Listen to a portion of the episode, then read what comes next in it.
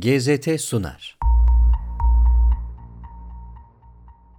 Türkiye'nin en eski rock müzik topluluklarından Moğollar 50. yılını kutluyor. Yarım asırdır duruşunu ve tavrını bozmadan müzik yapan Moğollardan Taner Özgür'le 60'lı yılları, yeni çalışmalarını, Cahit Berkay'ı ve topluluğun 50 yılını konuştuk. Moğollar olarak yarım asrı geride bıraktınız. Zaman sizce çok mu hızlı geçti? 50 yılı geride bırakmış. Hep sevilmiş ve büyük kalabalıklar tarafından takip edilmiş bir topluluk olmak size neler hissettiriyor? Evet, 50 yılı doldurduk sayılır. Şöyle bir bakınca zaman bizim acele etmeden kullandığımız bir durum gibi. Elbette bazen yıllar çabuk geçti diye düşündüğümüz oluyor. Fakat genelde zaman konusunda kendimizi zengin hissediyoruz. Bu kadar sene başarıyı sürdürüp sevilmiş olmak bir tatmin duygusu veriyor. Tabii ki gurur duyuyoruz. Fakat bu duyguları genellikle unutup işimize bakıyoruz. Müzikte yapacak işler bitmiyor. Önemli olan sınırlarımızı zorlayarak gelişmek. Bu işlerde yaşanan anları değerlendirerek oluyor. Kısacası kendimizle yarışmaktan gurur duymaya zaman kalmıyor. Türkiye'de rock müziğin öncü topluluklarındansınız.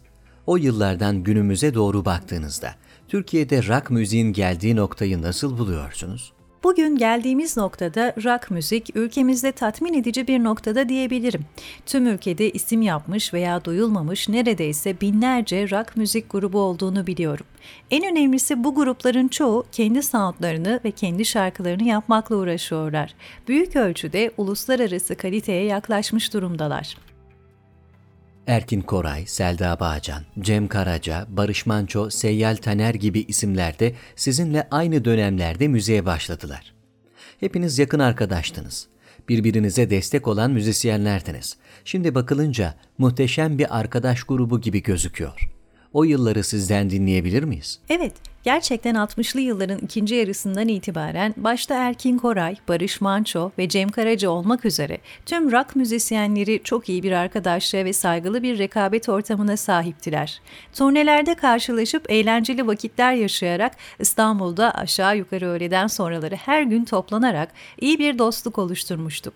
Birkaç kez güç birliği yaparak birlikte çalışma denemeleri olduysa da çeşitli nedenlerden dolayı pek gerçekleşemedi. Ama buna karşılık çok sayıda müzisyen ve grup arasında değiş tokuş ve transferler yaşandı. 12 Eylül darbesi kuşaklar arasında bağ koparttı ve yeni kuşakta hafıza kayıpları ortaya çıktı. Bu durum müziği de etkiledi. Merak ettiğim genel itibariyle 12 Eylül'ün kuşaklar arasında koparttığı bağ yıllar içinde tamir edildi mi yoksa o boşluk halen var mı? 90'lardan itibaren bu bağı tekrar sağlama çabaları oldu elbette. Bizim 1993'te tekrar bir araya gelip müzik yapmaya devam etmemizde Leman dergisi çizeri Kaan Ertem'in başlattığı kampanyanın büyük payı var. Bu kampanyada aslında bu kopukluğu giderme çabalarının önemli bir örneğiydi. Bugün 12 Eylül'ün yarattığı kültürel ve sosyal tahribatın izleri tam olarak silinmiş değil elbette. Fakat en azından müzik alanında bu diğer alanlara göre daha çok giderilmiştir verilmiş durumda. Grubun şimdiki kadrodan en eski iki elemanı Cahit Berkay ve sizsiniz. Peki bu ikili hep mi iyi anlaşır?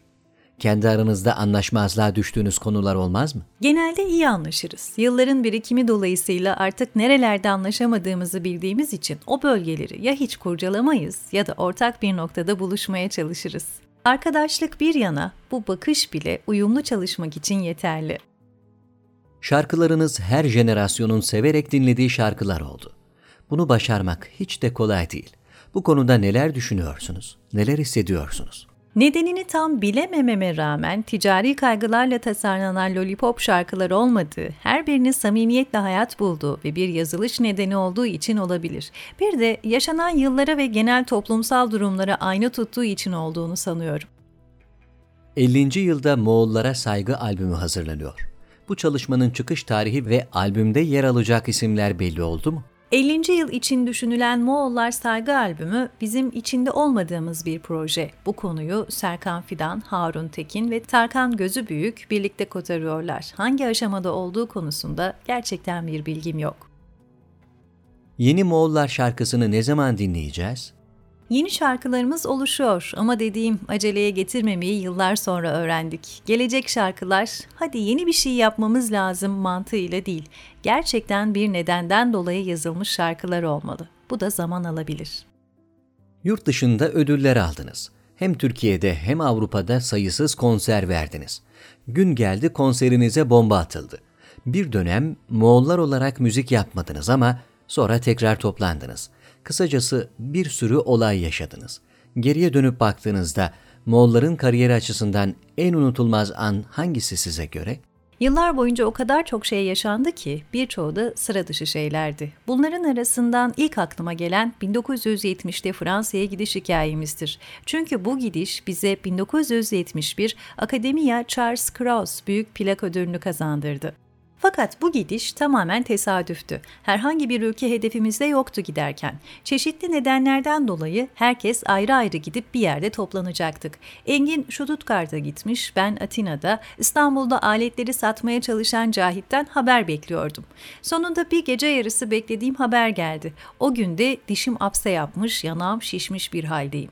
Cahit telefon etti, aletleri satmak üzere olduğunu, Engin'in Stuttgart'a gittiğini, bu arada Barış Manço ile karşılaştığını, çalıştığını, Paris'teki evinin boş olduğunu, ihtiyacımız olduğunda orada kalabileceğimizi söylediğini anlattı. Bana da sen bir yere git ve bize haber ver dedi. Ben de çıktım Atina havaalanına gittim. Nereye gideceğimi düşünürken aklıma Barış'ın Paris'teki evi geldi. Air France'dan bir bilet aldım ve Paris'e gittim. Sonra da Cahit'e Paris'te parasız ve hastayım diye bir telgraf çektim. Birkaç gün sonra Cahit, Murat ve Engin gelip beni otelden aldılar ve maceramız böylece başlamış oldu. O yıllarda durum böyleydi. Rüzgar nereden eserse.